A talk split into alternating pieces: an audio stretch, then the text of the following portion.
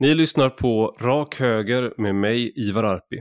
Jag vill börja med att säga några ord om podden och om publikationen mer generellt. Jag har de senaste tre veckorna haft ett pågående projekt som tack och lov gick i hamn igår och det är därför aktiviteten har varit lite lägre på rak höger. Jag har inte kunnat jobba för full maskin utan det jag har gjort är att jag har tagit körkort ungefär 20 år efter att alla jämnåriga eh, har gjort det. Eh, men det gick i alla fall. Jag hade min första körlektion tisdag för tre veckor sedan och igår tisdag så klarade jag uppkörningen. Så jag är hemskt lättad och kan nu köra runt mina barn till olika aktiviteter och vara en skjutsande pappa. Men nu återgår jag då till att jobba på heltid igen med rak höger. Och en annan sak också. Eh, jag har lovat att det ska komma ett poddavsnitt varje söndag. Men har inte alltid hållit det. Och anledningen är att jag har prioriterat att istället få ut avsnitt så fort det går. Ofta har de ett nyhetsvärde, ofta är det någonting som är på gång så jag har inte velat vänta fyra dagar till exempel på att ett poddavsnitt ska publiceras. Och jag, jag, tänker nog fortsätta göra så. Men om ni verkligen inte gillar det så hör av er till ivararpi substack.com och säg vad ni tycker. Nu till dagens gäst som är Alex Schulman. Och jag förstår att det kanske förvånar att jag väljer att ha ett samtal med honom här i podden. Så låt mig då förklara lite hur jag tänker. När jag slutade som ledarskribent så kändes det som en lättnad att lämna den ganska tydliga ideologiska mall som man förväntades följa. Det var inte så mycket min chef Tove Livendal på Svenska Dagbladets ledarsida som gav mig eh, strama tyglar. Tvärtom så gav hon mig väldigt fria tyglar och var dessutom ett bra bollplank. Eh, utan det var mer läsare och andra som förväntade sig att jag skulle vara på ett visst sätt, tycka på ett visst sätt. För ledarsidan ska också fylla en särskild funktion i debatten. Och ledarskribenterna är de politiska lägrens trogna huskarar. Eller legosoldater i vissa fall då. Så när jag slutade tyckte jag det var skönt att lämna det där. Och det jag vill bidra med i podden och med rak höger överlag, namnet i trots kanske, är att vara mer prövande än jag kunde vara då. Poddens slogan är att jag har samtal med vänner och fiender utan filter eller skygglappar. Stora ord, eh, men det är inte tomma ord för mig, eh, utan någonting jag faktiskt strävar mot. Men det är såklart lättare att få vänner att tacka ja när man hör av sig. Många har inte någon lust att ställa upp i en podd med mig eh, och prata om ett ämne där vi inte håller med varandra, tyvärr. Men jag fortsätter att försöka i alla fall. Eh, och när jag läste Alex Schulmans två senaste krönikor kände jag att jag gärna ville ha med honom som gäst. Eh, trots att vi ganska nyligen utveckla, utväxlade hårda ord med varandra. Eller just därför egentligen. Eh, för vi hamnar ofta på motsatta sidor i politiska frågor. Men de senaste krönikorna om Ukraina-kriget har jag läst med väldigt stor behållning. Så varför finner jag plötsligt sånt värde i hans krönikor? Har något hänt i samtiden när en sådan som Alex Schulman som inte direkt pratat sig varm om nationalism innan, plötsligt skriver om att försvara sitt land. Och skriver om hans pappas sorg att förlora sitt barndomshem i Karelen till Ryssland. Det tyckte jag var intressanta frågor och jag vill gärna prata med Alex Schulman om det. Om detta och mycket annat pratar vi i dagens podd. Men nu till samtalet. Du lyssnar på Rak Höger med mig, Ivar Arpi.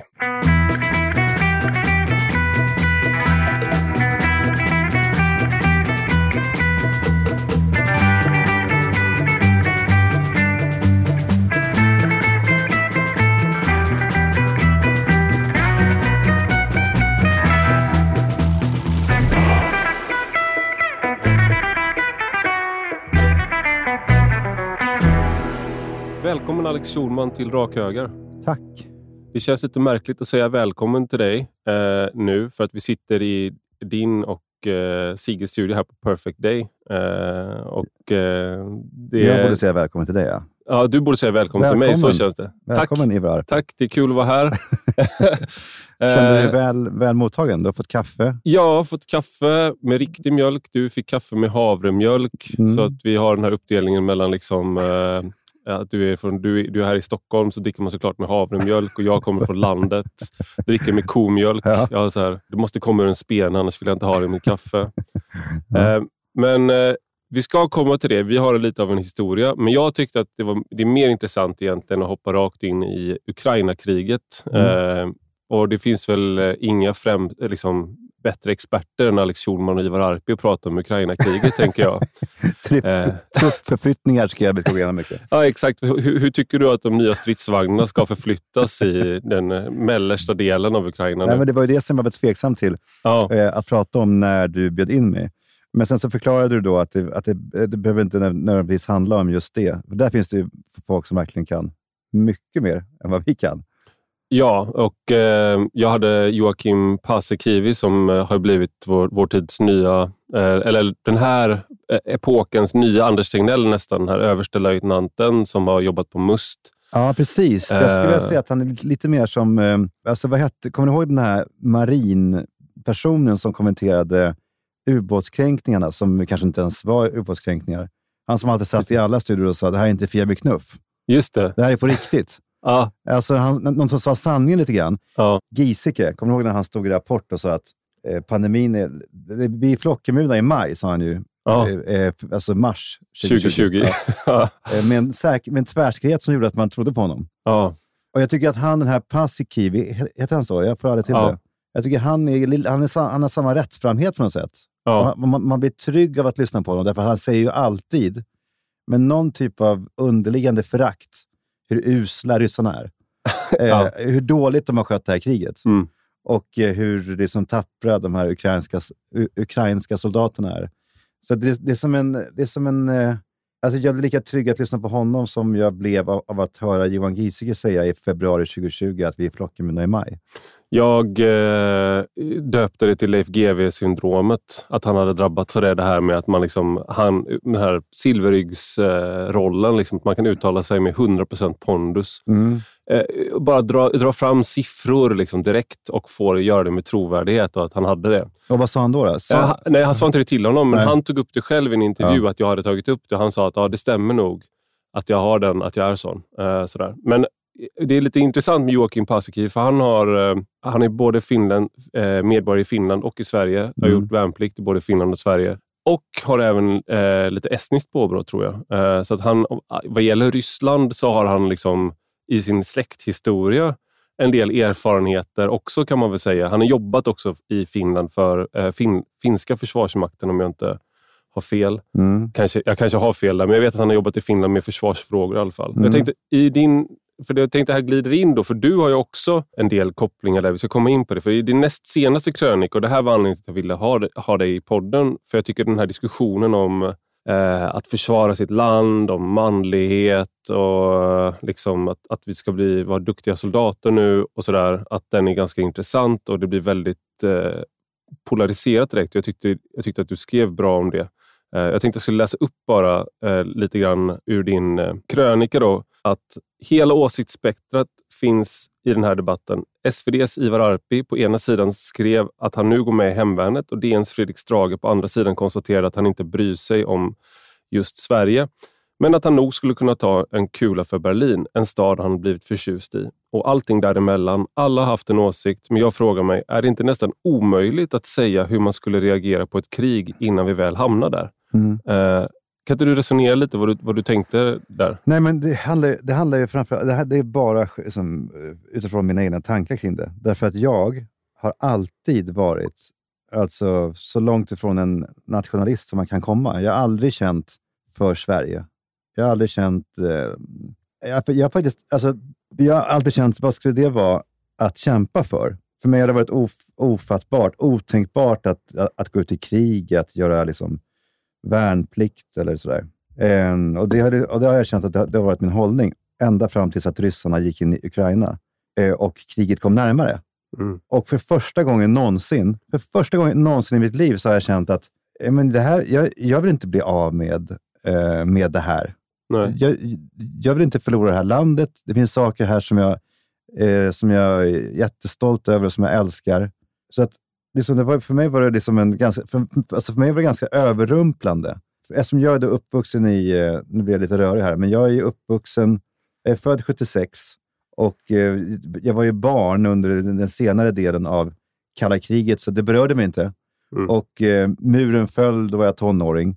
Så jag har liksom levt hela mitt liv utan liksom, någon som helst liksom, risk omkring mig. Mm. Det är inte som våra föräldrar, för de har det där i sig. Mm. Ut- Utan jag, jag är helt jag är liksom uppvuxen i ett, i ett land där det finns noll risk för krig. Fram till för en månad sedan. Så Mm. känns det. Och då undrar jag, hur kan man liksom säga saker? Liksom, hur, hur, jag, allting som jag har tänkt och känt har ju liksom varit utifrån det faktum att ryssen kommer inte. Det, ingen kommer. Mm. Men nu när, när ryssen, jag säger inte att ryssen kommer hit, det är väl fortfarande en obefintlig, väldigt liten risk att, Mm. det, att det händer.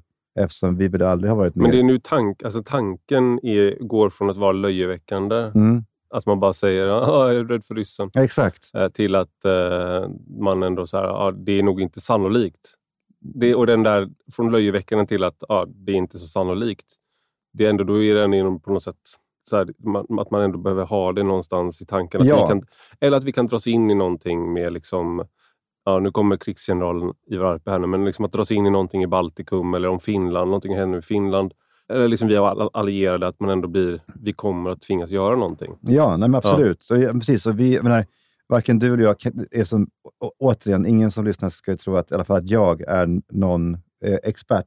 Men jag jobbar heltid med det här. Alltså, Mm. jag, jag jobbar med kriget eh, tio timmar om dagen. Mm. Fast jag får inte betalt för det, utan det är bara Nej. jag som, som sitter hemma och läser och läser och läser och läser. För att jag, jag har blivit besatt av det. Ja. Eh, och jag har ju läst en del scenarier som inte känns helt otänkbara i ett läge där Ryssland skulle då vilja, vilja ha Baltikum. Och då är Gotland en väldigt viktig plats att, liksom, att ha. Och då, ja, men då är vi där. Liksom. Mm. Så, så, så det känns ju plötsligt som att det inte är helt otänkbart att, att det kan hända. Och då, när jag har det där i mig, då, då är det plötsligt inte självklart att, för mig att säga det som jag alltid sagt. Att, alltså jag, som jag alltid sagt, att jag inte bryr mig om Sverige eller att jag inte liksom... Utan tvärtom, när det här händer nu, det är första gången någonsin som jag känner att det finns saker, det här är mitt hem och jag, jag, jag vill beskydda det. Sen att jag skulle gå och ta till ett vapen, det känns fortfarande otänkbart för mig. För att jag, Mm. liksom, jag avskyr vapen, jag kan inte, jag vet inte hur det skulle kunna, skulle kunna gå till Mm. att skjuta någon eller sådär. Jag har inte, jag har inte heller gjort lumpen. Jag, jag menar, men jag vet i alla fall nu att jag skulle inte bara sticka om, om Sverige blev angripet. Jag skulle, jag skulle vilja eh, på, på något sätt eh, försvara landet. En av mina bästa kompisar, han är, vi har ofta haft den här diskussionen, jag och han, vi liksom har följts åt i 20 års tid liksom, och diskuterat de här sakerna. Men han är väl vad man ska kalla för en typisk eh, kosmopolit eller sådär. Han har liksom han har alltid velat till de större städerna. Han har liksom jobbat på ambassad, eh, bott i Shanghai, bott, varit i USA, jobbat för Carter Center och så Jimmy Carter. Så, här, så han har alltid varit liksom progressiv, alltid så här kosmopolit. Och hans instinkt har ju varit att om någonting händer så drar man med familjen. Liksom. Mm. Då, då, då sticker man och eh, för att ens huvudsakliga ansvar är för ens barn, ens nära och kära och det här med nationalstater är liksom en, det, det är trams. Mm. Det är inte det. Det är inte, det är inte där liksom framtiden finns. Eller så där. Det är liksom en rest från förr. Mm. Så att en nationalstat ska tvinga en liksom att försvara sitt land, det är, det är som ett slags förtryck, har han uppfattat det som. Jag håller med om, om, om det där också. Men nu då, så det var intressant när jag läste din krönika, för vi hade precis pratat om det, han och jag. Liksom, vi pratar dagligen och, och då hade han sagt att, liksom, att, han, att han hade börjat tvivla på de här ställningstagandena i och med det som hände just i Ukraina. Mm. Och att det var eh, mycket på grund av att det var ett, kanske ett, en invasion, kanske. Att det Mm. var, och att det var så uppenbart att det var så här, ja, inom citationstecken, vanliga människor som, som försökte försvara landet. Att det var liksom en... eh, De höll på att bli av med sitt land, med sin identitet. Och, så Mm. och Då kände han att men om det här skulle hända Sverige, då kanske det inte är liksom rimligt att, att fly. Men då har vi också så 20 år då, eller liksom sen, sen man borde ha gjort värnplikten. Då, om man gjorde, för jag gjorde inte det, han gjorde inte det. Mm. Du gjorde inte det då. Nej. Eh, Men då har det gått ganska lång tid där man har levt i den här tanken om, som du pratar om, liksom den här eviga freden. Eller vad man ska säga, att de konflikterna som finns kanske är liksom att USA gör en intervention någonstans, Mm. eller ett inbördeskrig, Mm. eller terrorism. Alltså det är den typen av konflikter man har vant sig vid. Mm. Men jag tänkte fråga dig då, liksom, du då som du skriver också i texten att du, du har bara hållit i vapen en gång. Så här, när jag tryckte av Eh, du följde med på, på en jakt. Eh, när jag tryckte av gjorde rekylen att kolven träffade mig i ögat och jag blödde ymnigt. Mm. Fick uppsöka vård. Mm. Jag hatar vapen, jag vill inte döda, jag vill inte dö. Men vad som sedan händer när kriget väl kommer går väl inte att säga. Att förlora det land jag lever i känns lika otänkbart som att hålla i ett vapen. Jag tänker ändå, vad, vad ska man dra då för slutsatser om man är en sån som du och även jag. Jag har hållit i vapen några fler gånger men också liksom väldigt, går att räkna på händerna liksom hur många gånger. Mm. Um, vad ska man tänka då? Vad ska man göra? Man saknar militär kompetens. Ja, ja, exakt. Du drog slutsatsen att gå med i hemvärnet. Ja, men de vill ju inte ha mig som skyttesoldat, ska jag bara säga. Var, var, varför vill de inte det? För att jag kan inte. Alltså, men... så här, du måste först, om du inte har någon erfarenhet så kan man göra så här med hemvärnet. Då kan du göra, för att få gå med i hemvärnet så måste du göra, om du inte har gjort värnplikten, då får du göra två veckor grundutbildning där du lär dig lite grunder. Liksom. Mm. Ordergivning, hur funkar organisationen, allt sånt där. Mm. Eh, men sen har de olika liksom, delar av organisationen och eh, de delarna som är liksom, inriktade på att bekämpa en fiende med vapen, då måste du ha gjort eh, värnplikt, eller tre månader minst. Och Det finns ju inte på kartan att jag kommer ta tre månader nu när jag har fyra barn och göra det, utan då är det de här två veckorna och sen kanske göra någonting annat. Tyvärr så är det så här att det som jag kan göra, det som jag direkt kan, skulle kunna göra, det är typ sådana här saker som eh, medieträning för eh, personer som ska, i en konfliktsituation, hur bemöter man media? Hur hanterar man media? Ja, men, och Då skulle jag kunna förklara hur man skapar en kris kring mm. sig själv och hur man sen försöker rida ut den. och Det är så kompetens som är unik, eller i alla fall ganska ovanlig. Eh, men det, det, jag vill inte gå med i hemvärnet för att göra det, det jag liksom ogillar mest eh, med mitt jobb ännu Nej, mer. Men, men vänta här nu. I, i ett krig ja. så är det väl det som... Det skulle väl vara det absolut bästa du... Alltså ja. det, det, det, det är väl på det sättet du skulle kunna bidra mest till ditt land. Twitterkrigare. Ja, äntligen, exakt. äntligen Nej, så, men, ja, fyller jag funktion. Alltså spinna grejer. Det, det, skulle du och jag kunna... Alltså vi skulle, jag tror att Försvarsmakten skulle ha hjälp av oss i ett sånt läge. Jag, tror, jag, menar, jag vet ju att jag, jag kan inte skjuta. Nej. Eh, så jag, jag, skulle nog inte kunna stå vid fronten. Eh, men, men däremot Eh, alltså kommunikation, eh, det är det som du och jag jobbar på. Ja. Jag, jag, du, du och jag jobbar på, med storytelling. Jag jobbar med storytelling dag och natt. Det enda jag tänker på är vad är en bra story? Mm. Och Det har vi märkt nu med kriget i Ukraina. Fan vilken storytelling! Alltså både från ryska hållet med Z-tecknen, med V-tecknen. Mm. Liksom, eh, det, är det, det, är verkligen också, måste man säga, en superstory. Att det börjar liksom med liksom, eh, vita, svaga, liksom, kantiga streck på stridsvagnarna och blir en rörelse i, i Moskva, i mm. Ryssland. Det är stark storytelling. Och eh, Zelensky är ju, vad det verkar, då, en av den politiska världens skickligaste storytellers. Och det han gör är ju helt det är omistligt. Alltså, det, alltså utan honom hade ju kriget kanske varit över, därför att mm. han, är så, han är så otroligt skicklig på det. Mm. Så att om vi verkligen skulle vilja göra nytta, då tror jag att det är på det området vi skulle kunna bidra. Kanske. Samtidigt då som jag har en sån här, och det är väl här jag försöker man inse att det finns en del självförverkligande. Jag har alltid tänkt liksom, ja men som eh, när vi spelade in där så eh, var, har jag tagit, tog jag körkort igår. Och det, är så här, det var det första du sa, sa när du kom in. Med en lyster, ett blänk i blicken. Exakt. Och Det är en sån sak som jag borde gjort för minst 20 år sedan. Mm. Eh, och det är Någonting liknande känner jag med hemvärnet. Då, att jag gjorde aldrig värnplikten och anledningen var ju att jag var trött på allt sånt. Jag har aldrig gjort någonting för, för liksom, jag har aldrig gett tid till organisationer, jag har aldrig varit med i en rörelse. Jag har gått i demonstrationståg för att kompisar går där och sånt mm. där. Men generellt så har jag liksom aldrig varit med i partier, inga studentföreningar. Nej. Jag har liksom varit en solokörare. Uh, och jag gillade aldrig liksom de här läger och sånt som man var på när man var barn. Så när jag kom, liksom, fan ska jag vara på läger ett år? Liksom? Mm. Jag har ingen lust. Nej. Så jag sa det, jag, jag gör lumpen om ni vill att jag ska göra det. Men jag gillar inte läger så jag avstår gärna. Och de bara, du slipper. Ja, men det, det här var en period, du är 40 va?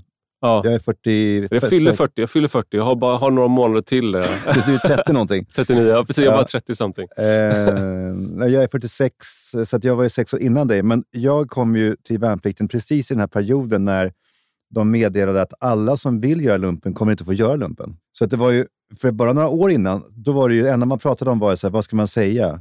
Ja. Jo, att man, att, att man har hemlängtan, man är mamma, Kissar sängen. kissar sängen, man är bög, man, man är...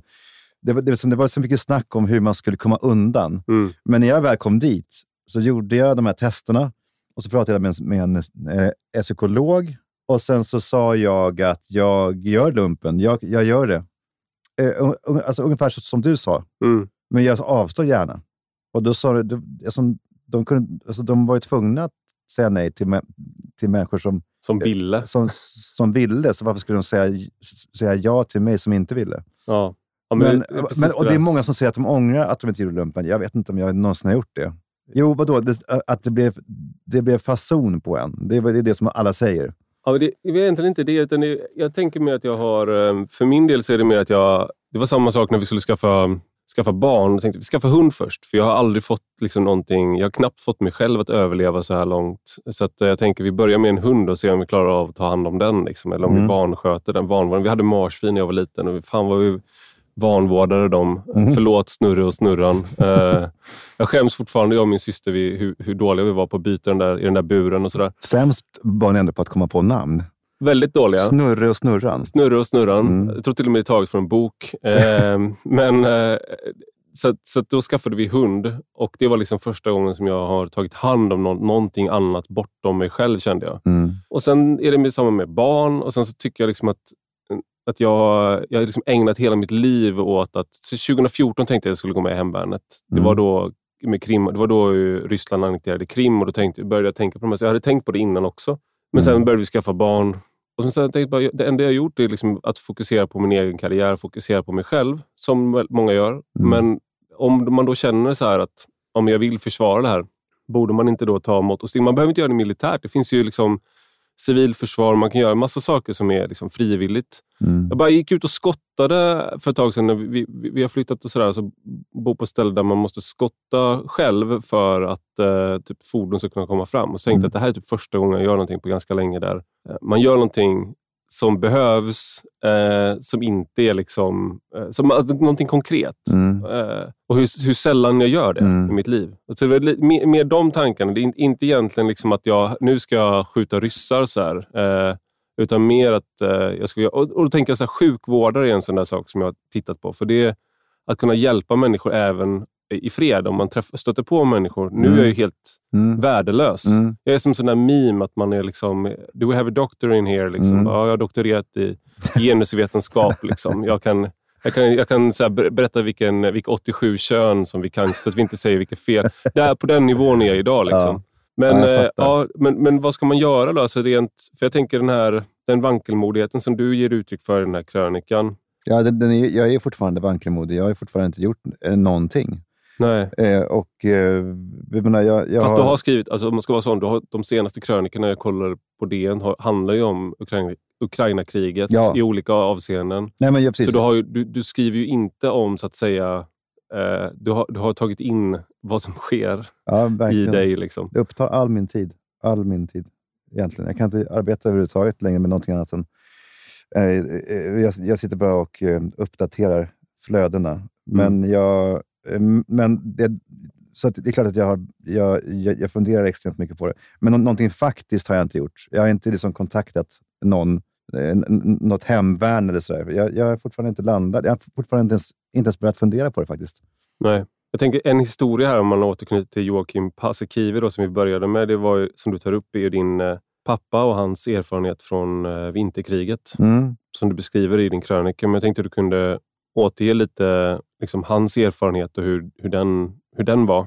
Ja, men det är väl samma sak. Det är väl, det är väl därför jag känner det så starkt att det, är ett, alltså det här är mitt hem. Därför att han Mm. förlorade sitt hem. Och det är ju, det tror jag är det största såret i, papp, i min, min pappas liv. Han bodde ju då, i barndomen så bodde han med sina föräldrar på eh, det karelska näset, alltså Karelen, som, det som idag är en del av Ryssland. Mm. Och eh, för mig har det alltid varit... Eh, men det är fortfarande så att Karelen för mig är... Jag, jag har blivit besatt av Karelen på något sätt. Jag Mm. läser om det så mycket. Och det finns en... en eh, Harry Martinsson skrev i Anjara en dikt om Karelen. Mm. Där han skriver om de ljuva lindornas Karelen. Varje Mm. gång som, eh, varje gång som solen skiner så uppstår en äng av blommar, skriver han. Ja. Det är så jävla fint. Så att man, så det, är liksom, det är inte klokt. Och jag minns, även om jag var, jag måste ha varit sex år kanske, så minns jag liksom, jag kan liksom, jag, om jag blundar kan jag se karelen framför mig. Det var alltså helt sjukt att, att vara med på den här resan där pappa då tog mig med båten över till Finland. Vi åkte till Helsingfors, eh, minns jag det som. Jo, det gjorde vi. Och eh, vi åkte alltid in till Helsingfors och åt memma, en finländsk eh, sötsak som smakar väldigt märkligt, men gott på något sätt. Det äter vi alltid på, jul, eh, Ja, du vet på julbordet. Ja. Det är svår, men den har någonting. Ja, det, man får leva upp till det här efternamnet jag har. Ja, just det. Exakt. Ja, men du, det är inte så många som vet vad, vad memma är, men du vet vad det är. Ja, jag vet vad det är. Ja, vi, vi, vi åkte alltid in och åt, åt memma. Vi gick till Fazers butik. Eh, vi köpte godis. Och sen så, så, så, så satte vi oss i en bil och åkte över då till den ryska sidan. För pappa ville visa mig sitt barndomshem, Mm. som då låg på den ryska sidan. Och eh, vi åkte då i, genom de här skogarna. Det är alltså ett landskap som är helt sanslöst, för att det är liksom vatten och skog överallt. Så fort som man, som man kommer in i en skog så kommer man till ett vatten. Så man kommer man till en skog och ett vatten. Liksom, det, det, det är så varierande och liksom trollskt så att det är liksom inte, klok, inte klokt. Och vi, vi satt där i bilen och eh, pappa blev mer och mer förväntansfull. Eh, och, sen så, liksom, och vägarna liksom smalnade av. Grus, asfalt blev grus och gruset blev mindre, tunnare tunnare strängar genom skogen. Och Sen så kom vi över ett krön och så sa pappa, nu är vi här. Och så kom vi ner för, för en liten slänt. Det låg liksom ett nedförslut mot ett vatten. Jättevackert. Och eh, pappa steg ur bilen och eh, jag märkte på en gång att han var liksom omskakad för att ingenting fanns kvar. Mm. Det ryssarna gjorde då när de tog landet var att de rev de här, eh, de här jävla finska husen. Det här var ju ryskt nu och de här finska husen ska bort. Mm. Så allt var borta. Uthuset var borta, ladan var borta, eh, stora huset där de bodde var borta, eh, bryggan var borta. Och han gick runt där och liksom pekade. Där var, här var liksom huset, här var... Du vet, han var helt förvirrad. Mm.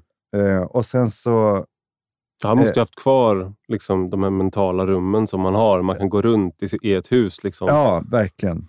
Och sen så då i alla fall så, eh, så, så stötte han, på han, han, han hittade då i myllan, under gräs och sådär, ett fundament i betong till en flaggstång som hade då suttit så djupt ner i jorden att den hade ryssarna inte fått undan. Liksom.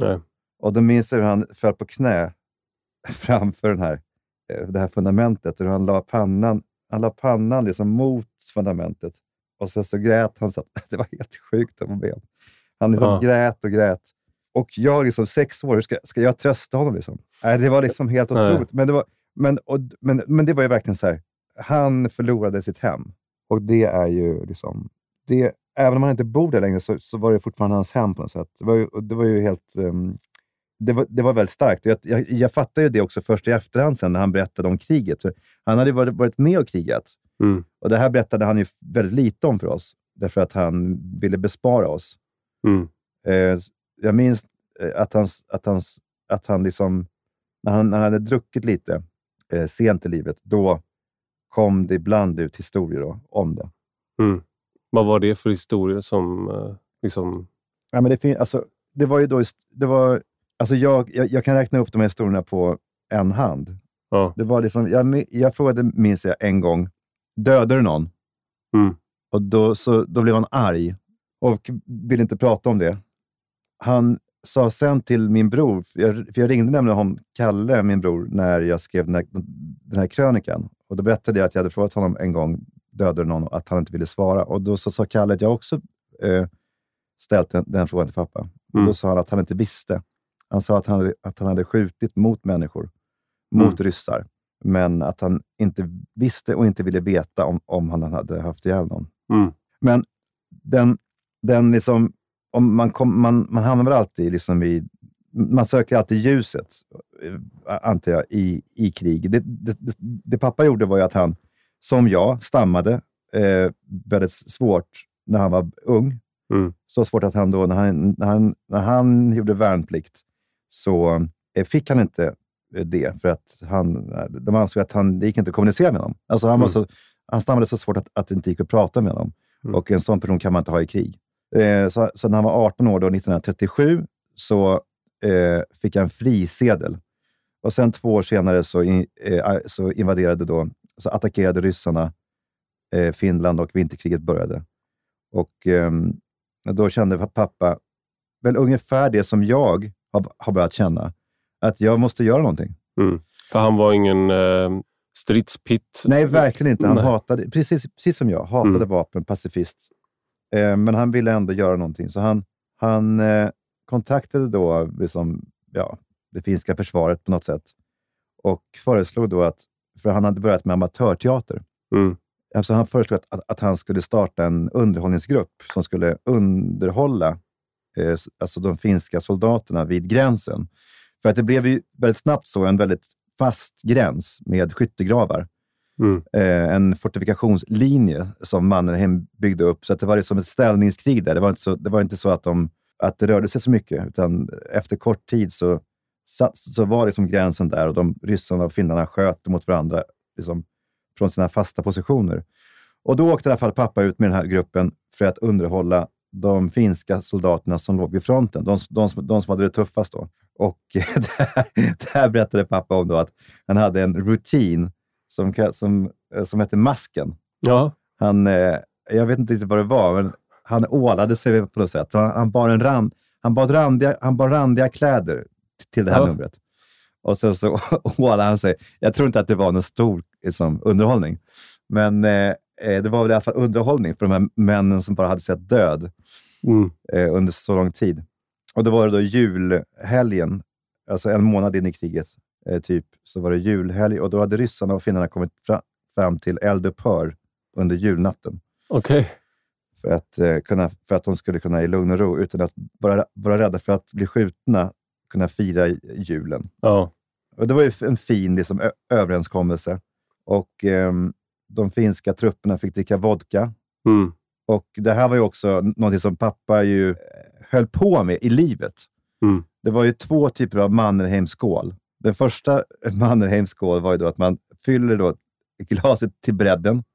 Ända längst upp så det blir ytspänning.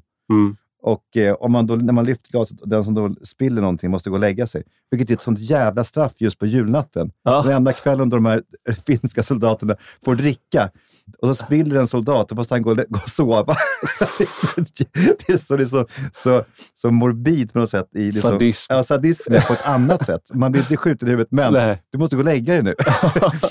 men det som var pappas eh, eh, favorit, eh, det var ju alltid när, man, när någon runt ett bord utbryggar Mannheimskål. Det här hände ju liksom, alltså när jag var tonåring och mamma blev lika vansinnig var, varje gång. Det var ju att när, man, när någon har sagt Mannheimskål, då får, mm. ingen, då får ingen någonsin dricka ur glaset igen. Så då måste man krossa det. Ah. Så att då, då, då, då, tog han då supen och sen så surade han in den med full kraft i, i väggen. Okay. Och du vet, glasbit som flög och mamma som skrek. Så vet, när pappa sa så här, Mannerheim, skål! Då blev vi, vi, då blev vi alla barnen överlyckliga. Ja, nu visst, blir det liv. händer det något. Och mamma skrek bara, nej! det är, så, det är så starka minnen från, från barndomen. Hur som helst, vid fronten så på julnatten, det är iskallt och eh, pappa gör då eh, masken. Och eh, alltså soldaterna tycker att det är fruktansvärt kul. Eh, de, så de skrattar då så mycket så att ryssarna öppnar eld. För ryssarna tänker att det är något, det är något lurt på gång. De håller på med någonting. Det, De uppfattar skratten som stridsrop. Liksom. så, att, så, att eld, så att eld, så att det börjar liksom, kriget återupptas då i natten. och sen då, eh, och det här, var då, det här vet jag är sant, för jag såg det själv. Och jag hatar mig själv för att det, här, för att det är borta. Att jag inte tog bättre hand om det. Men under pappas liv, alltid över skrivbordet, så hade han en inramat brev från Mannerheim, ja. alltså den finska krigsgeneralen, mm. eh, med ett påbud om att Schulmans underhållningstrupp eh, måste underhålla eh, minst en kilometer från gränsen. Därför att Soldaternas skratt avslöjar finnarnas positioner. Och det var då den finaste recensionen han någonsin hade fått. Såklart. Ja. ja. Så den, var liksom, den, den eh, hängde där. Mm. Och den, hela den här historien, som ändå är liksom en lustfylld historia, den har funnits med mig i livet. Jag har inte funderat på den på många, många år. Men den känns ändå så jävla eh, aktuell igen. Mm. Eftersom det, det som hände honom i Finland, det händer nu i Ukraina. Mm. Alltså att, att en, en, en aggressiv makt som liksom invaderar ett demokratiskt, fredligt land. Och pappa var med om det där. Och du är ju, det är intressant för det, det är flera saker i det här som är intressant. Eh, både vem din, så som du beskriver din pappa, eh, som inte liksom då kanske den, eh, den här jägaren, så inte en Ernst Jünger eh, eller liksom sån där person som står i stålstormen med liksom järnansikte eller sådär. Men som ändå gjorde en insats och kände sig manad att göra det. Mm. Eh, och det är ju liksom dels det och sen också då det här med att det var ju i det kriget som så att säga, hans barndomshem, eh, för det av, den, just det området avträddes ju efter vinterkriget till Sovjetunionen. Mm. Att, att det är liksom, du är ju en, bara en generation. Många, många av oss är ganska många generationer, i alla fall vi som har då liksom eh, majoritetssvenska eh, far och morföräldrar eller sådär Mm. att man är ganska långt bort från krig. Mm. Eh, och sen så är det ju många liksom, svenskar, eller många som har kommit hit som flyktingar som har andra erfarenheter. Men du är ju bara en generation. Min, min fru är ju två generationer bort från eh, vinterkriget. Hennes eh, mor och, mormor och morfar träffades när eh, hennes mormor var frivillig i lottakåren till vinterkriget. En av de som åkte över. Jaha. Och hennes morfar var finlandssvensk och blev av med benet i, eh, jag tror det var i fortsättningskriget han blev av med benet. Han, blev Mm. så, han hade massa så här krut i kroppen, så här fläckar. Så, här. Åh, så, så, de har ju den, de har den historien, men du är ju bara en generation eh, bort från det där. Jag tänker det är ju, det är ju ganska... Om, om, du, om du hade varit en annan person så skulle det här kunna vara någonting som du hade kunnat liksom sådär...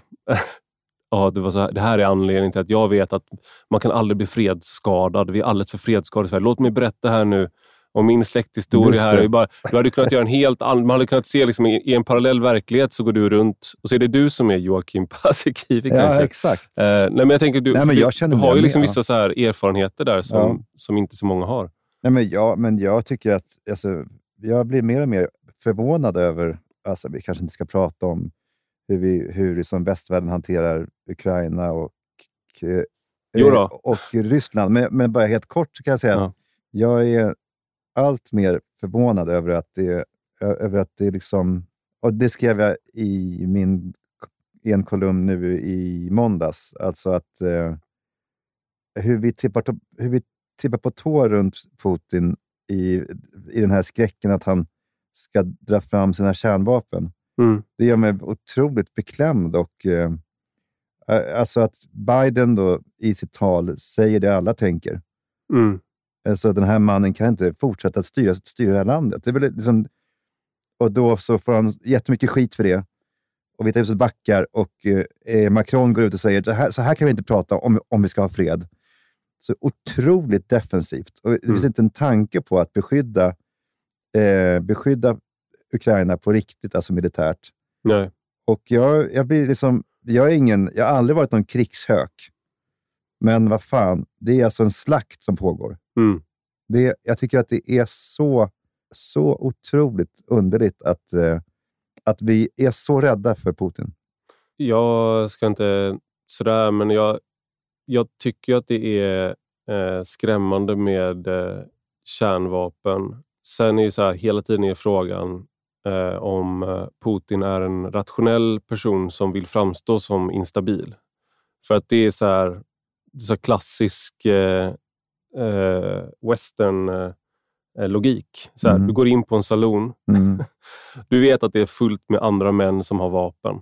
Så hur ska du få dem att ge fan i dig? Mm. Jo, det är för att du ska, du ska visa att du är oberäknelig och att du när som helst kan explodera i, i, i våld. Mm. Eh, om du gör det, om du gör det trovärdigt så kan du, kanske du slipper sen liksom, framöver. Mm. Och det där, det där går igen i liksom alla västernfilmer och sånt där. Och det, Putin har ju liksom den... Han ska framstå som att han när som helst kan tänka sig att använda kärnvapen. Mm. För det är hans trumfkort. Mm. Så om han får oss att tro att han inte är en resonabel, rationell människa, utan han är en instabil, maktgalen och är beredd att göra vad som helst, då har han en förhandlingsfördel. Liksom. Mm.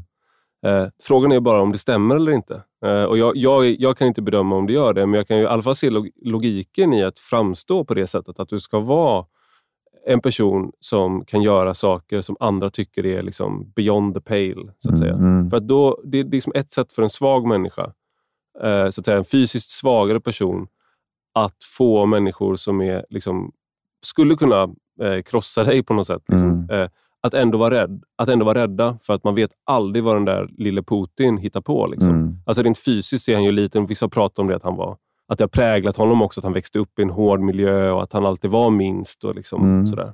Jag, tror att det, jag, vet, jag, jag kan inte bedöma om, om han faktiskt är så, eh, har, lider av vanföreställningar, om han faktiskt är liksom, har blivit så galen eller så, eller om det mer är någonting som vi i väst ska tro om honom.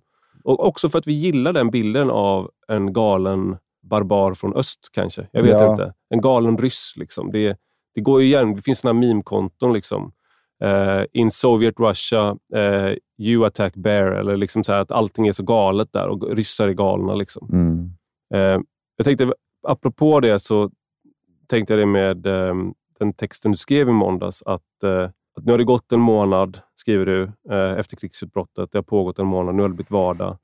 Eh, men nu har vi börjat käbbla igen. Mm. Eh, det tog några veckor, men nu finns inte pratet om bred sammanhållning längre. Eh, vad tänker du på då? Nej, men jag, jag, jag- det här, när man har levt i det här klimatet ett tag så vet man ju, man börjar, man börjar ju förstå mekanismerna och eh, dramaturgin och allt som ska hända. Det liknade lite grann när Trump vann valet. Jag vet inte om ni minns, men första veckan var det inte en person som sa att eh, Trump är bra eller så, utan det var ju som konsensus, det här är en katastrof. Mm. Och nu, men sen så blev det ju än mer och mer polariserat. Eh, och det, nu, nu händer exakt samma sak.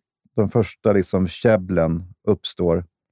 Det, det första som jag uppfattade var ju högermänniskor som, ja, men som ändå sa, ja, men vad fan, det är ändå, det är ändå mycket nazister i Ukrainas armé. Azov-bataljonen och Mm. Eh, liksom, ja, och, och, sen så, och då var det som, och då var det liksom, då var snacket igång. Jag Mm. tycker dock att det är klart att man, man, man måste kunna ha, alltså man, man måste kunna ha, alltså, annars blir ju diskussionen hjärndöd om alla, om alla är, är överens. Så det måste väl ändå hända. Det, det som jag nu också har, upp, har märkt är ju en del människor som tycker att varför förstår vi inte Ryssland mera? Ja, men Mm. tycker det ändå. Alltså, är det, är det rimligt? Ja, eventuellt är det det. Eller är det Ryssland vi ska förstå, eller är det, eller är det bara en galen man? Mm. Alltså, har, har eh, Ryssland rätt till liksom buffertzoner som stormakt? Har NATO gått för långt österut? Alltså, allt sånt där, alla de här diskussionerna tycker jag ändå så här, de är rimliga att ha. Mm. Men jag märker ju att, du vet, med de här jävla kontona som kommer igång, och nu, nu börjar allt om. Det är som man blir så trött på. Jag hade, faktiskt, jag hade det underbart ett tag, i ett par veckor. Det var samma sak med flyktingkrisen 2015. Mm. Vi, vi har inga gränser. Eh, Vad, sa, vad, vad han sa, Löfven? Mitt Europa bygger inga murar. Ja, något sånt där. Mm. Eh, hela Sverige skramlar, Mm. som ju var någon typ av tipping point. Jag antar att det här eh, Hela Sverige skramlar igen, med, som är nu i, i helgen, va? eller om, om några dagar, kommer vara en ny tipping point på något sätt. Mm. Snart kommer eh, eh, flyktingarna vara en belastning. Jag märkte det, Jimmy Åkesson sa att de, de ska hem, de ska tillbaka.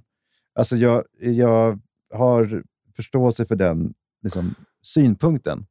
Men jag, Jag tycker ja. att, jag tycker bara att när, när människor flyr från ett krig, de har lämnat sina män i deras länder för att de ska liksom utkämpa ett krig.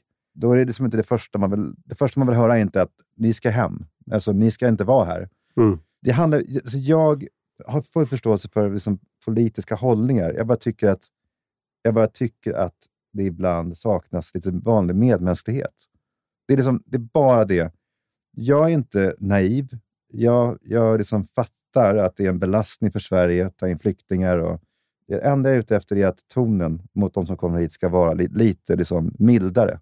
Jag, jag, jag tycker det här käbb, jag tänkte vi ska komma till det här med, eh, för du tar upp det här med Jimmy Åkesson och, och eh, integration. Jag tänkte vi kommer till det, men jag vill bara käbbla. För jag, för jag har också noterat att det är det var lustigt att du skrev det här, för jag kommer, det kommer se ut som att jag har härmat dig och nu, och nu, säger, nu säger jag det då, att jag kommer, jag kommer, det kommer se ut som att jag härmar dig, ja, för jag kommer skriva om det här käbblet. Det räddar ändå till dig. Det blir ändå en copycat. Ja, exakt. Jag är, jag är copycat. Det, jag, får, jag får leva med det. Ja. Uh, men för Jag tycker också det här käbblet...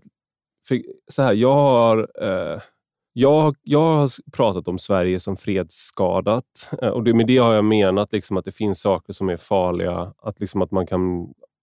Alltså att säga, man bevakar inte muren, man, man rustar ner, man gör saker som kanske försvårar för freden, mm. fast, man, fast man älskar freden. Mm. Liksom. Så det är så jag har pratat. Sen har jag också kritiserat, liksom, eh, jag varnat för Ryssland. Jag var på Rysslands... Eh, jag, var, jag gjorde praktik på Rysslandsgruppen eh, på UD 2008, vilket ju var bara en liten grej, men det var väldigt, påverkade mig väldigt mycket. Eh, Hur då?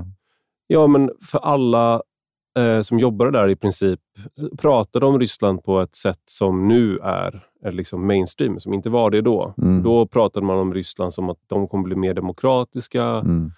Men de tjänstemännen som pratade med mig då, de sa liksom att okay, men om vi... Så här är det. Ryssland förstår bara makt. Om vi ger någonting till Ryssland då, utan att själva få någonting, då ser de det som svaghet, mm. underdånighet. Mm.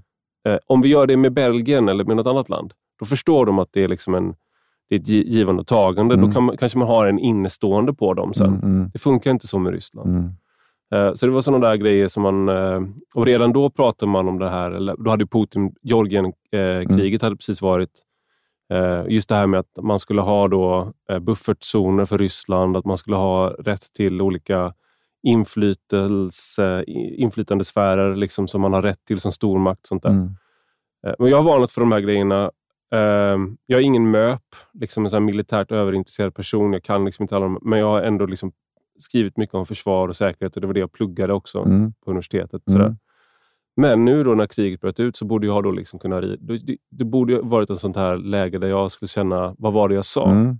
Uh, och Samma sak att jag pratat om manlighet ibland, liksom, svensk manlighet, att man måste kunna liksom, försvara sitt land eller sånt där. Jag, så, så där har jag låtit. Mm. Men nu så känner jag bara en sån matthet. För att nu ser man ju liksom då att ja, inom högern så ska man då gå på människor som skriver att de inte vet om de vill försvara eller att de kan försvara. Som Fredrik Strage skrev en, en text i DN till exempel. Eh, där han skrev i princip, där han var Fredrik Strage. Mm. Alltså, det, var ingen, det var ingenting som avvek. Mm. Björn Werner skrev på GPs eh, kultursidan mm. och liknande. Mm.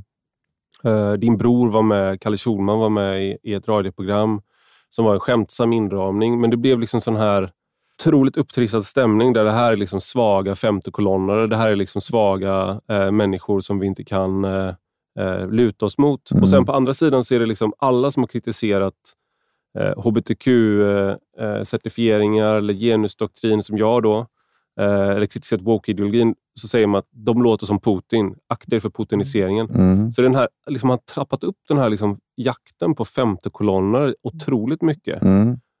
Och Jag tycker bara att det är så här, Fast in, i, in, jag vet inte om jag håller på att bli svag eller vek. För att jag känner bara, fast ska vi verkligen hålla på att gräla? Är det någon som tror att... Alltså, Okej, okay, det, är en, det är en annan sak med den här Sverigedemokraten, nu glömmer jag vad han heter, som har suttit i försvarsutskottet, som ja, har spridit eh, mm. Putin-propaganda. Mm. Det är en annan sak. Varför är det en annan sak? För det tycker jag är, liksom, det är så flagrant jämfört med till exempel att du, att du då, eh, inte du, men att man skriver till exempel att jag vet inte om jag vill försvara, om jag, är rätt, om jag ska försvara landet. Vad är det vi försvarar? Om man har den typen av frågor. Mm.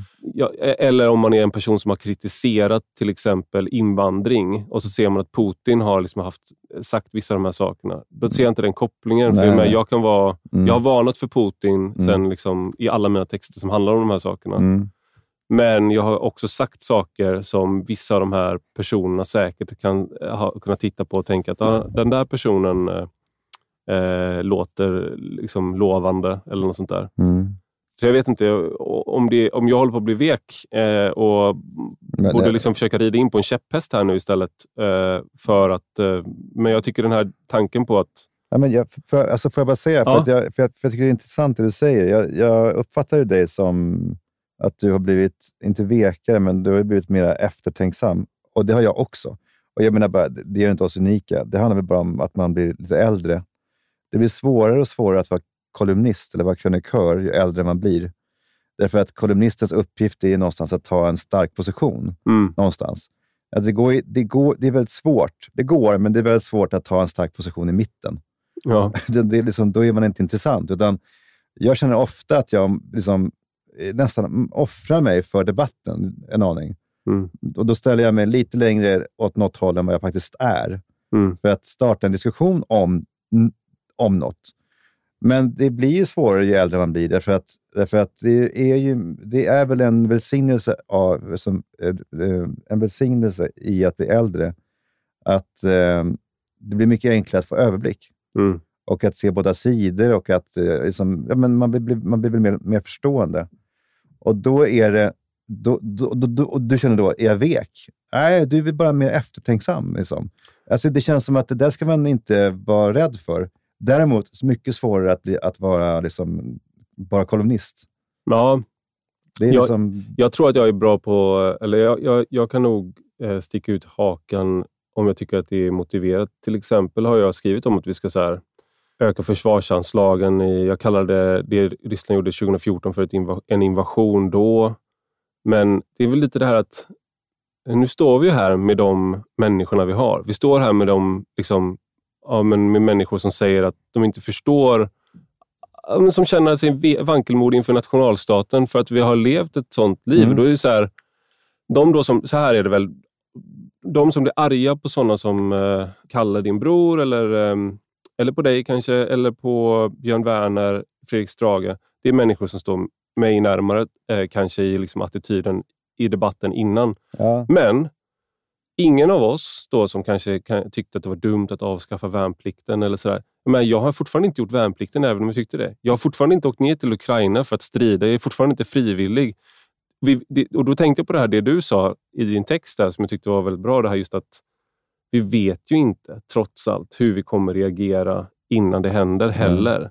Så att det är väldigt lätt så att säga att vara eh, väldigt stark och modig i den här fiktiva situationen Mm. som ligger framför oss. mm, Men det är liksom en fiktiv styrka skulle jag säga att man är där. Eh, eller liksom det, är, det, det är abstrakt. Man di- diskuterar en abstrakt situation. mm, Det kan mycket väl vara så liksom att, man är, att man själv visar sig vara inkapabel att göra vissa saker som man trodde att man skulle klara. mm, Och att andra människor som kanske står, har en mjukare linje eller liksom en, eh, sådär, att de visar sig vara någonting annat när det väl kommer till, eh, till kritan. Mm. Och Då tänker jag att det finns en viss ödmjukhet i att bara, okej, vi, nu har vi en diskussion, vi liksom så en öppen diskussion om de här sakerna och inte så tvärsäkra till liksom att hur man ska reagera, eh, hur mycket man ska offra sig och hur, liksom, ja, sådär. Jag vet inte. Mm, nej, men, jag- ja, men, nej, precis.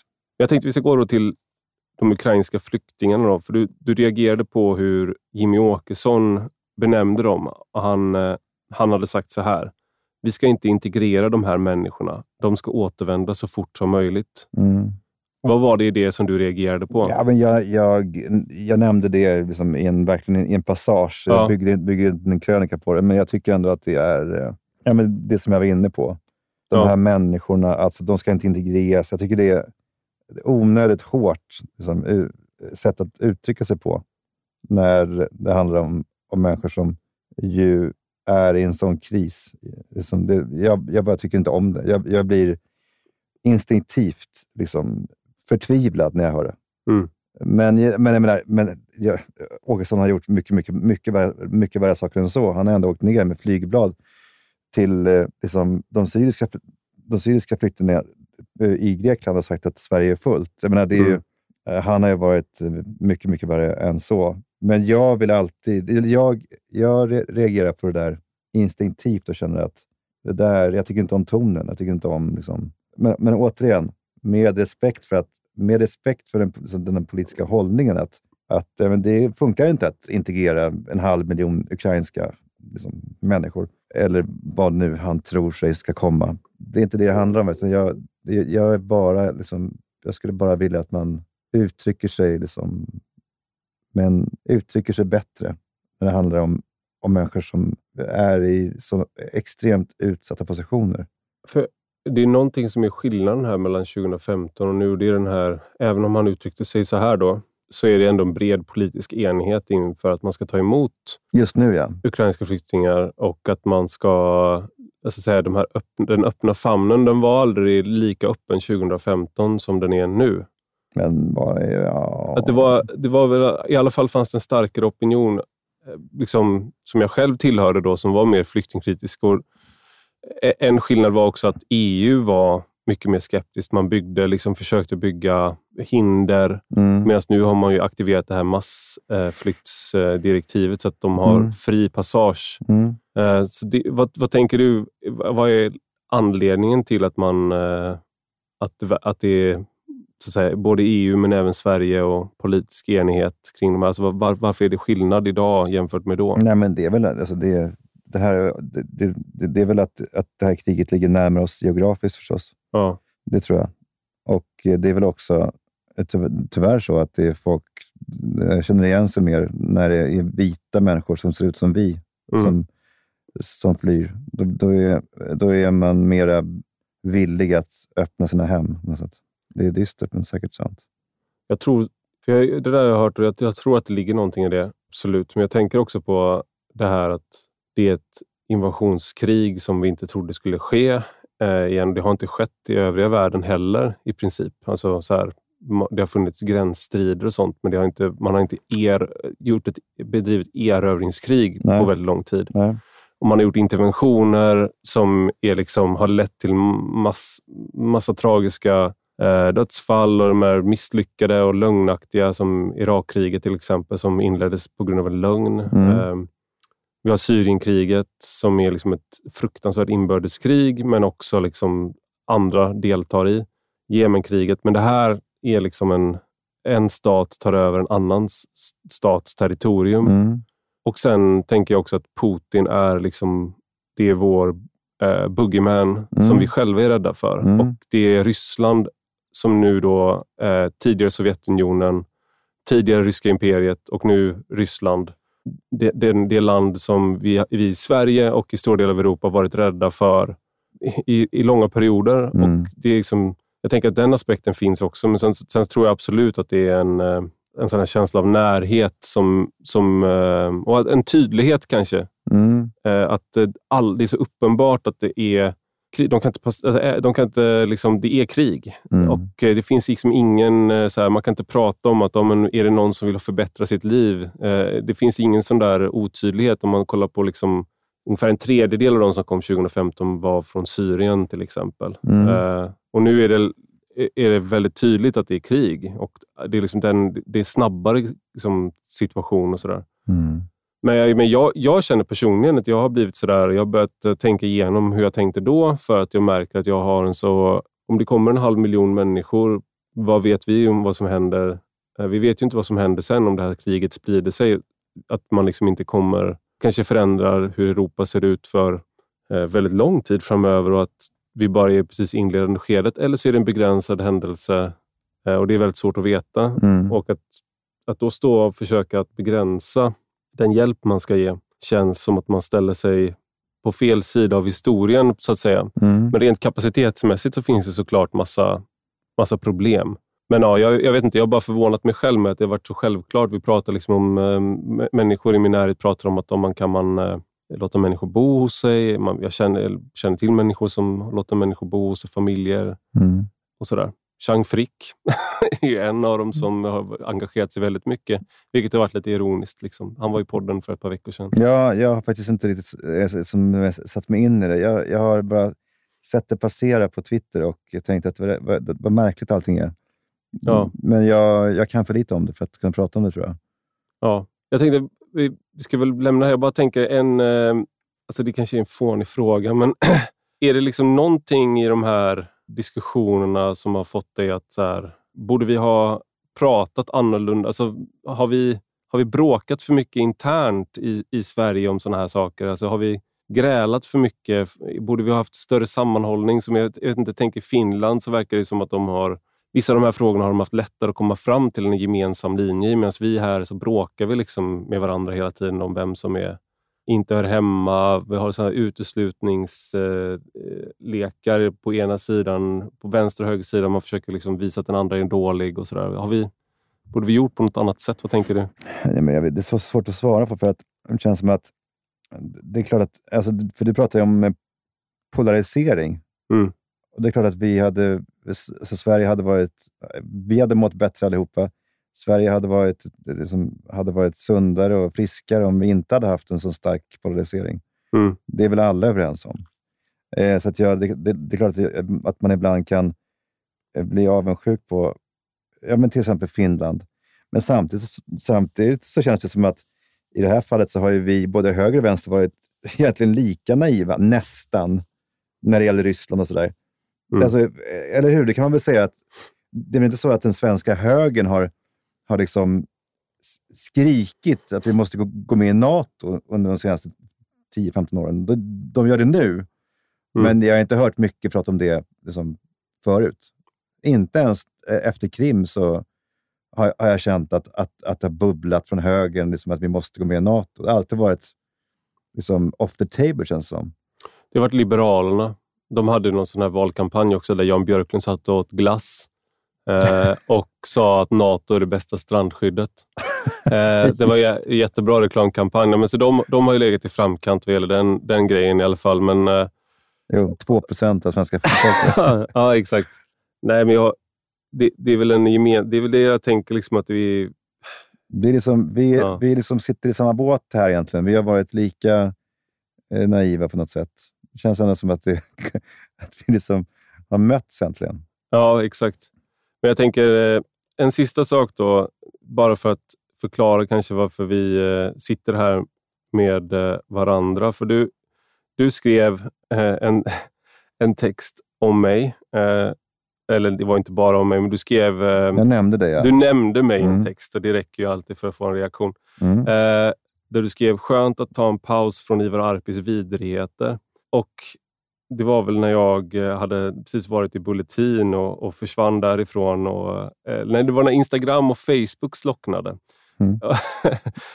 och eh, Sen svarade jag på den texten och skrev att du hade glömt var du kom ifrån. Eh, och sådär. Ja, det var upphetsat.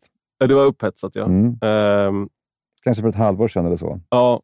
Och... Vi har ju varit i luven på varandra förut också, ska man säga. Det är inte första gången vi nämner varandra, väl? Jag, jag tror att det var första gången som jag nämnde dig. okay, men jag vet att du har nämnt mig ja. fler gånger. Ja. Uh, men jag så, så det var väldigt upp, uppdämt hos mig. Där ja, ja, men du kände väl att nu måste jag ändå nu stämma bäcken. Ja. ja. Och då skrev du en, eh, ja, det var väl 30 000 tecken den här texten. Minst. Ja. exakt. Så, så var det. Ja. Och, eh, ja, men, ja, precis. Så var det. Och, eh, ja, men jag hade också, jag måste börja, det här är inget försvar. Jag har ju verkligen varit konfrontativ mot dig. Men just, just det där, Arpis vidrigheter var ju faktiskt ingenting som jag skrev i texten, utan det var en rubrik som sattes av någon annan. Jag, eh, men det hindrar ju inte att jag ändå var... Jag skrev liksom förklenande om dig. Jag minns faktiskt inte vad, vad det handlade om. Jo, men det var det jag hade skrivit. Judar flyr Europa och, och, och Sverige och flyttar till Israel. När vi andra blir attackerade, vart ska vi ta vägen? Ja, just det. Och just det. Nu kommer jag... Det här, jag borde, det här är sån research man borde göra innan man har en podd, eh, men jag fokuserade på mer aktuella saker. Eh, men det, det, handlade väl om eh, terror, om jag inte minns mm. fel. Eh, terrorism. Och det, det, var en parafras på Michel Houellebecq från, eller det var ett citat i princip av Michel Houellebecq från när han skriver Submission, när han har en judisk, huvudkaraktären i Submission, mm. eller Underkastelse, mm. har en judisk flickvän och hon flyttar till Israel med sin familj från ett fiktivt Frankrike där eh, liksom, antisemitismen har ökat för både högerpopulisterna och eh, Muslimska brödraskapet, det partiet, mm. har flyttat fram positionerna. Så det, sådär. Och då så säger huvudkaraktären det där, eller, mm. eller om han tänker det.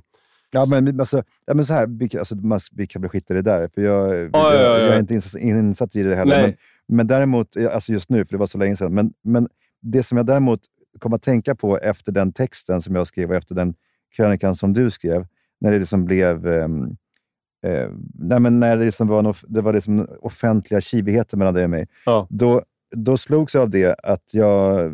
Och sen, jag, jag, jag lyssnade på någon intervju med dig, kan det ha varit söndagsintervjun? Ja. Eh, och slogs av eh, två saker. Det första var ju att jag har alltid tyckt om, liksom, jag har alltid känt att du har varit en, alltså en sympatisk röst när jag hör dig prata i radio eller i poddar och sådär. Och att det finns något som är så ibland har jag känt ett, ett, ett, en, en, en, en iskyla i texterna som jag inte känner igen i, i, liksom, i lynnet när jag hör dig. Mm. Och eh, Jag slogs av det när jag lyssnade på, på söndagsintervjun, att fan, jag, jag tycker om honom, den här personen. Och eh, Jag har också slagits av att jag tycker att även om texterna som du skriver är ibland... Liksom, eh, jag, jag, jag tycker inte om dem i regel, så har jag ändå varit Tack. imponerad över att eh, varit imponerad över att de är inte bara extremt effektiva, utan jag är ju besatt av språk. Det är liksom det enda jag håller på med. Alltså storytelling och hur gör man och varför är det här en bra text och varför är det där inte en bra text. Mm. Jag tycker du är väldigt duktig och jag, har- jag har liksom varit väldigt imponerad av ditt sätt att skriva. Och den kombinationen, de två sakerna gjorde att jag bara tänkte, fan ska jag verkligen... Är Ivar Arpi verkligen liksom ärkefienden? Det, det, det är han inte. Eh, och då, så, då var det jag som hörde av mig till dig på Ja. mail väl? Ja, precis. och bara skrev att vi kan, kan vi inte bara ses? Jag skrev inte mer än så. Eller bara något, alltså, I come in peace, så jag skrev. något Ja, exakt.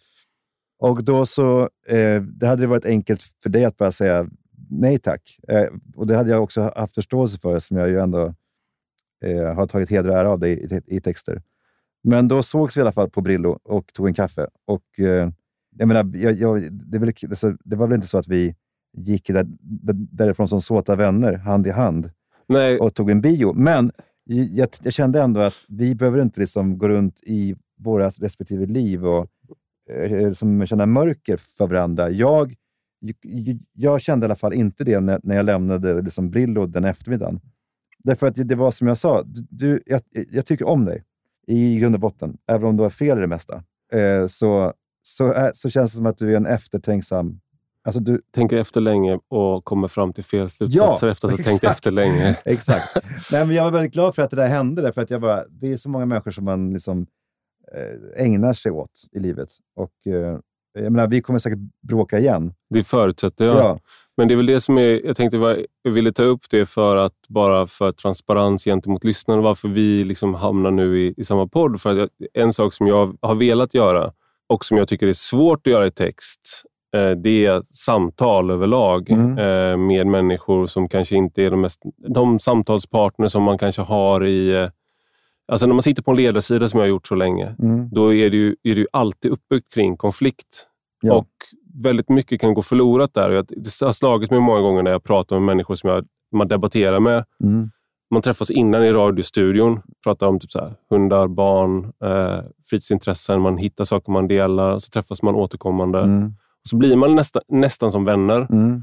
Och Sen går man in i studion Mm. och så är man i en boxningsring. Mm. Eh, och Sen går man ut och sen så är man i princip, kan man vara vänner igen och man fortsätter samtalet där man slutade innan man gick in. Eh, och, Ironiskt nog så har jag tyckt att public service, som ofta har varit de, den arenan, alltså både Sveriges Radio och Sve- Sveriges Television, är, är uppbyggt kring den här konflikten. Väldigt korta liksom, debatter där man ska ha maximalt våld, maximal mängd blod på så Mm. kort tid som möjligt. Och Mm. när, man då, när man någon gång är nyanserad i försnacket, då hittar de någon annan.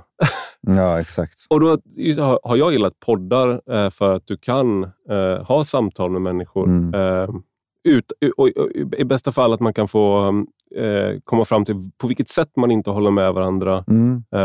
Och sådär.